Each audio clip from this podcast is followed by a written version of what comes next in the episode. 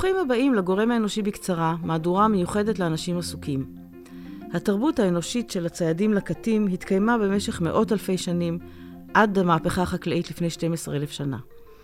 איך הם ראו את העולם שסביבם, את בעלי החיים, הנערות, ההרים, והאם היה בחברה הזאת שוויון מגדרי? שיחה עם דוקטור דני נווה. ראיון לקוח מפרק 39 של הפודקאסט ציידים, לקטים והיררכיה. המרואיין הראשון שלנו חי במשך שנה בחברת ציידים לקטים בדרום הודו. דוקטור דני נווה הוא אנתרופולוג שמלמד באוניברסיטת בר אילן ובבית הספר ללימודי סביבה באוניברסיטת תל אביב. שלום דני. היי דני. אהלן. דני, אני חייב, חייב להבין איך, איך אנשים שחיים בחברה של ציידים לקטים רואים את העולם.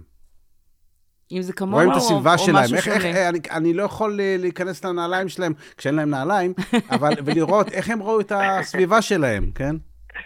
אוקיי, אז אם אנחנו צוללים ישר ללב העניין, אז... ישר ה- ללב העניין. אין בעיה. אז ה- הסיפור הוא שאנחנו מתייחסים לדרך שהם תופסים אותם בתור אפיסטמולוגיה של יחסים. עכשיו, מהמם. לא צריך לקפוץ מהמילה אפיסטמולוגיה. אפיסטמולוגיה זה, זה, זה מסגרת הבנת מציאות, דרך הידיעה שלהם. התודעה שלהם ממוקדת ביחסים. כלומר, כשהם רואים בעל חיים מסוים, הם לא שואלים שאלה של מה זה, הם שואלים, הם מבינים אותו במונחים של מי זה. אם תרצו, זה כנראה השינוי התודעתי הגדול ביותר שהתרחש באנושות מאז מהפכת השפה. אוקיי. כשהתחלנו להבין את המציאות יותר ויותר בצורה שטוחה, כמה זה להבין עצים, להבין בעלי חיים כמה זה, בעוד שלקטים ציידים נוטים להבין את המציאות במונחים של מי זה.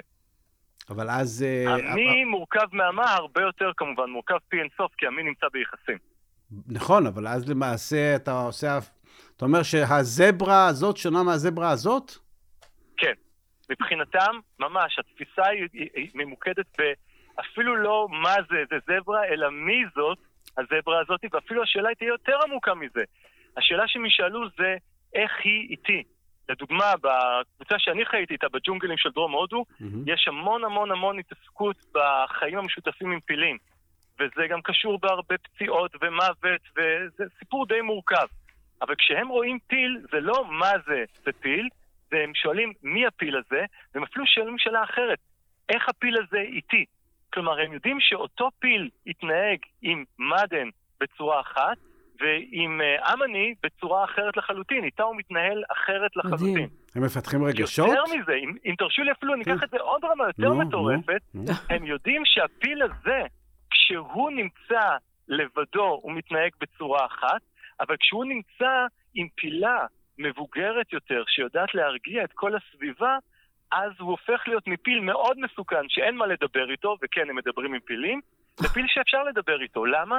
כי עכשיו הוא נוכח ליד מישהי אחרת, שלה יש נוכחות מאוד מרג- מרגיעה לגביו. זה עובד, זה נכון גם לגבי דוממים, כאילו, אבנים, עמק, הר. אה, פה, פה אנחנו כבר נכנסים לאזור אפור ומורכב יותר. אה, זה, זה, זה, זה נכון בחלק מהמקרים. מהמם. ומה, ו- ומה זה יקבע? אם יש לאנשים האלה יחסים מאוד עמוקים עם נהר מסוים, כן. אז כן, הם לרוב יבינו אותו במונחים של מי. אני הייתי בלא מעט טקסי טראנס שבהם אנשים נכנסים למצבי תודעה מאוד מאוד מרחיקים לכת. מצבי תודעה שאני כמדען לא יודע להסביר את כל מה שתיעדתי שם. ומה שאתם רואים, שהם לדוגמה במצבי התודעה האלה הם מדברים עם, עם, אה, עם ספיריטס, עם, כן. של הרים מסוימים. כן. מה לדבע, מה שהם קוראים. הם, והם ממש מדברים איתם, והם ממש ביחסים איתם, והם מעלים את הרוחות, והם חולקים את המזון, ודברים מהסוג הזה. איך הם חלקים? כן, אם, איך- אבל איך- זה לא... אם, כן, סליחה? אם- רגע, אם, אם אתה מפתח איזה קשר מסוים ל- לאיזה חיה מסוימת, ואתה, עם מי, איך אתה צד אותה? איך אתה אוכל אותה גם? קודם כל, יש פה, יכול להיות שהם לא יאכלו אותה. אמ, זה, אה, הרעיון בחברות האלה, לדוגמה, מונח המפתח בתרבות הנייקה, זה בודי. מה זה בודי? בודי בשפת הנייקה זה המילה שלהם לחוכמה, או ל-wisdom באנגלית. אמ, אמ. והם מגדירים חוכמה בתור היכולת להיות עם אחרים תוך הימנעות מפגיעה מיותרת. אני כשה- חוזר, כשהדגש היכולת להיות... הדגש כן. הוא על המיותרת. נכון. אני חושב שהדגש הוא גם על המיותרת, לא רק. Mhm. היכולת להיות עם אחרים, אנושיים ולא אנושיים. בלי תראו, לפגוע. האנשים האלה מבינים את הסביבה כקהילה של ישויות חשות ומרגישות, רובן לא אנושיות, מיעוטן אנושיות, אבל כולם חשות ומרגישות, לכולם יש אופי ייחודי, סיפור חיים ייחודי, וכולם בתוך מציאות של מערכות יחסים. והתודעה היא מפוקסת על היחסים. אז למעשה לאריאן הוא יזדור... רק כדי לסגור את הנקודה, כן. אודי, אני, אני, אני, זה לא אומר שאני לא צד ולא מלקט, כן. זה לא אומר שאני לא צד ולא מלקט, אבל גם בציד ובלקט אני אנסה מאוד להימנע מפגיעה מיותרת, וזה כמובן קשור גם באיזה מערכות יחסים אני מקיים. אז רגע, אם, אם אני, יש חיה מסוימת שהחלטתי שאני רוצה לצוד אותה למרות האמפתיה, כן? כי אני רעב, אני צדתי אותה, אני מחלק אותה בין אנשי השבט בצורה מסוימת? שנייה, יש פה, יש פה כמה דברים. א', אוקיי. צעדים לקטים לא חיים בשבטים, אוקיי? שבטים זה חברות היררכיות, זה סיפור Mhm. אחר לחלוטין. אוקיי, איך הם הם חיים חיים? בחבורות. חבורות. אז, כן. אה, אה, עכשיו, אם אני צד, ח- אני- אני לרוב לא אצוד חיה שפיתחתי את היחסים מאוד מאוד מאוד עמוקים. זה תלוי. עכשיו, ה- ה- ה- עכשיו, אם אני מתחלק או לא מתחלק, זה כבר נקודה אחרת. הם מתחלקים כי הם לא תופסים בכלל שהחיה, לדוגמה, היא בבעלות הצייד. כן. בכלל לא. התפיסה שם היא תפיסה שהיער מסר את החיה, או החיה מסרה את עצמה. זה משתנה מחברת לקטים צעדים אחת לאחרת. זה מאוד משתנה. אין פה משהו שהוא נכון ל-100% מהלקטים צעדים. זאת אומרת, הבשר ציד בעצם הוא נחלת הכלל, נחלת כל הקבוצה. באיזשהו אופן. החיה הניצודה, כן, מתחלקים Mhm. בה לחלוטין. אנחנו יודעים אפילו על מקרים, לא... לא... מקרים שחזרו על עצמם בחברות של לקטים ציידים, שהציידים אפילו לא תואמים בכלל ממה שהם צדו. באמת? יש חברות של ציידים לקטים, כן, שהצייד הצייד יקבל מאחרים, אבל הוא לא... ש... במצבים מסוימים הצייד יקבל מאחרים ולא, ו... ולא יטעם אפילו מהחיה שהוא צד. אבל אם אני צייד טוב, אין לי מעמד טוב? צייד טוב, יש לך, זה לא שאתה תאכל יותר, אוקיי, בדרך כלל, אבל אתה, זה, זה ה, ה, היכולות האלה הופכות אותך למישהו עם, אה, עם עוצמות, עם עוצמות חברתיות. אבל גם העוצמות האלה הן מאוד מאוד, כולם יסתכלו עליך בשבע עיניים לראות שאתה לא עף על עצמך, אוקיי? Mm. כלומר, אה, כמו... ישגיחו עליך. זה לא נכון, זה לא נכון ל-100% מהציידים לקטים, זה כן נכון לאותן חברות הכי מרתקות של ציידים לקטים, שנקראות ה-immediate return hunters and gatherers. זה החברות של ציידים לקטים שלא עושים שום הגירה, אגב, מבחירה. הם כן. לא עושים שום הגירה. ובחברות האלה, שם באמת יש שוויון באושר, ביוקרה, כמו מה שאמרת, מעמד, אוקיי? ושוויון בכוח, כלומר שאף אחד לא אומר לאף אחד מה לעשות. אבל למה הם יבחרו לא, לא לאגור? מבחינתם ההגירה היא ממש יכולה להיות אה, שער להרבה מאוד בעיות חברתיות, שבשבילהם, בשביל לפתור אותם, כבר אתה צריך להיכנס לעולם של שופטים, וכהנים, ובירוקרטים, שאין להם בחברות האלה, ואין להם גם שום רצון שיהיה להם. הם לא נמצאים אבל בסכנת רעב בגלל החוסר הגירה? אם יש... לא, ממש לא. ממש Mm. לא. הרעב מגיע הרבה יותר עם החקלאות, זה אנחנו גם רואים ברקורד הארכיאולוגי, ממש רואים את זה בממצאים הארכיאולוגיים. הרעב מגיע כשאנחנו לא חולקים את, ה, את מה שיש לנו. גם אם זה מעט מאוד, כל עוד חולקים, לא ממש מגיעים לרעב. הרעב מגיע כשאנחנו שמים את כל הביצים בסל אחד, כן. ומתמחים בגידול של אה, מונוקולטורה. ואז, נכון, ואז כשיש מחלה וכל מיני דברים מהסוג הזה, אז פתאום אנחנו מגיעים לרעב. הרעב מגיע כשאנחנו אה, מתחילים לעשות אה, אה, אה, אה, הרבה יותר ילדים ממה שציידים לקטים נוטים לעשות, ואז אה, פתאום אה, אה, צריך להכיל הרבה יותר פיות. אבל אה, שנת בצורת נניח. מה, מה עושה, עושה קבוצה כמעט כזאת? לא משמעותית בג'ונגל, לדוגמה. לא בג'ונגל, אבל. נגיד אפילו בסוואנה, גם או בסוואנות. גם במזרח בסוואנות. התיכון, אם היו במזרח התיכון ציידים לקטים לפני 12,000 שנה, יכול להיות פה בצורת. בהחלט יכול להיות בצורת, אבל תחשבי כמה אנשים חיו פה. כמות האנשים שחיו פה הייתה אוקיי. יחסית קטנה, אוקיי? ממש ממש קטנה. את יודעת, ההערכות מדברות, הרי אנחנו האזור הראשון שעבר לחקלאות. נכון, המסדרון הזה של אה, עמק הירדן, הבקע של לבנון ומזרח טורקיה. נכון. כשאנחנו עוברים, אה, עד לפני 11,000 שנים, הערכה שכל האנושות הייתה בין אה, שניים, ארבעה, עשרה מיליון אנשים, משהו כזה. כל האנושות על כל כדור הארץ.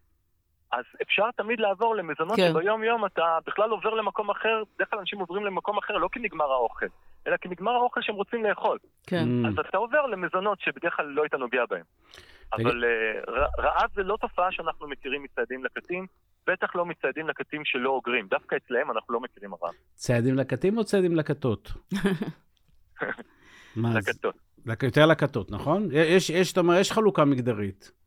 יש חלוקה מגדרית, זה נושא די מורכב ללמה בעצם הוא מתרחש, אבל זה בהחלט לא השוויון style, כל מה שלכם מותר, אז גם לנו מותר, וכל מה שלכן מותר, אז גם לנו מותר.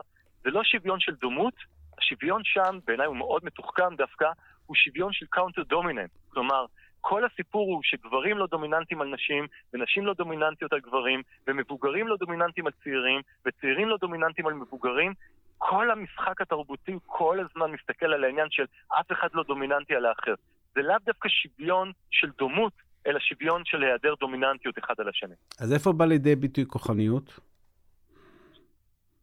כוחניות, אני חושב שאחד הדברים הכי מסוכן בחברות, בטח ב-immediate return hunters and gatherers, כן. שוב פעם אותן חברות של צעדים לקטים שאינן אוגרות, אחד הדברים הכי מסוכנים שאדם יכול לעשות לעצמו זה להתנהג באופן אה, בריוני לדוגמה. Mm. אדם כזה, מכיוון שכולם חמושים 24-7, אדם כזה לא, הוא, הוא לא, לא יראה הרבה זריחות. כן. אה, כן, הוא לא ישרוד. אתה אומר, מי שיתנהג בצורה כוחנית... ואלו חברות לא אלימות בדרך כלל, אבל... הסבלנות שם לבריונות היא מאוד קטנה. אבל mm. השוויון שאתה מתאר והמבנה החברתי שאתה מתאר, הוא בעצם יכול להתקיים באמת בקבוצות מאוד קטנות של 20, 30, 40 אנשים. נראה לי שבקבוצות יותר גדולות זה כבר נהיה יותר מסובך. קודם כל, אני מסכים איתך לחלוטין, שככל שהקבוצה גדלה, העסק נהיה מורכב יותר. אבל להגיד שזה רק ה scale, רק סדר גודל של הקבוצה, זה גם טיעון שאפשר להפריך אותו יחסית בקלות, מפני okay. שאני לך, יכול להראות לך המון חברות קטנטנות שגודל הקבוצה היומיומי כן. הוא לא הרבה יותר גדול מקבוצה של ציידים לקטים, ואיזה שוויון ואיזה כלום, גברים כן. דומיננטיים על נשים ומבוגרים דומיננטיים על צעירים. כן. כלומר, זה, המרכיב של גודל הקבוצה הוא משמעותי, אבל יש עוד המון מרכיבים שהם אחרים. לא פחות משמעותיים. כמו לדוגמה, כמה אנשים הם עצמאיים.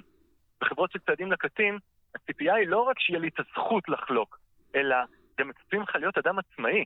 ההדזה, לדוגמה, יכולים להמר על כל דבר, אבל לא להמר אף פעם על כלי שיכול להפוך אותם, שבלעדיו הם יהפכו להיות תלותיים באנשים אחרים.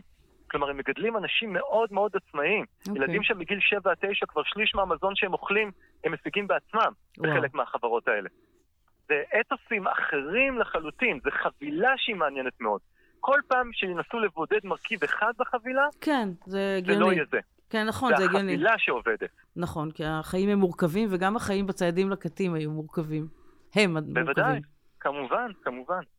כמה זמן התקיימנו כציידים לקטים?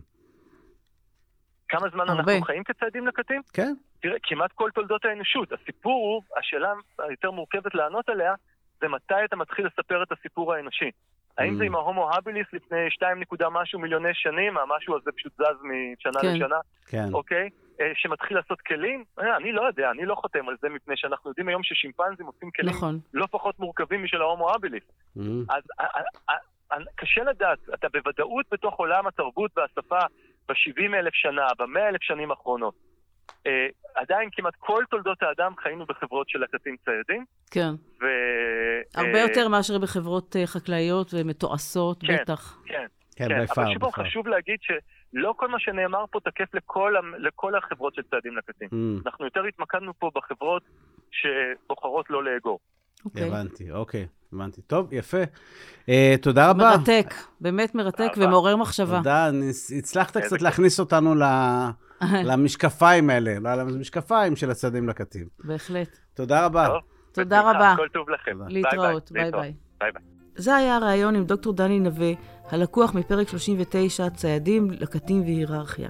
מוזמנים להקשיב לפרקים המלאים באתר חיים וסביבה וגם בספוטיפיי, אפל וגוגל. תודה על ההאזנה ולהתראות. thank you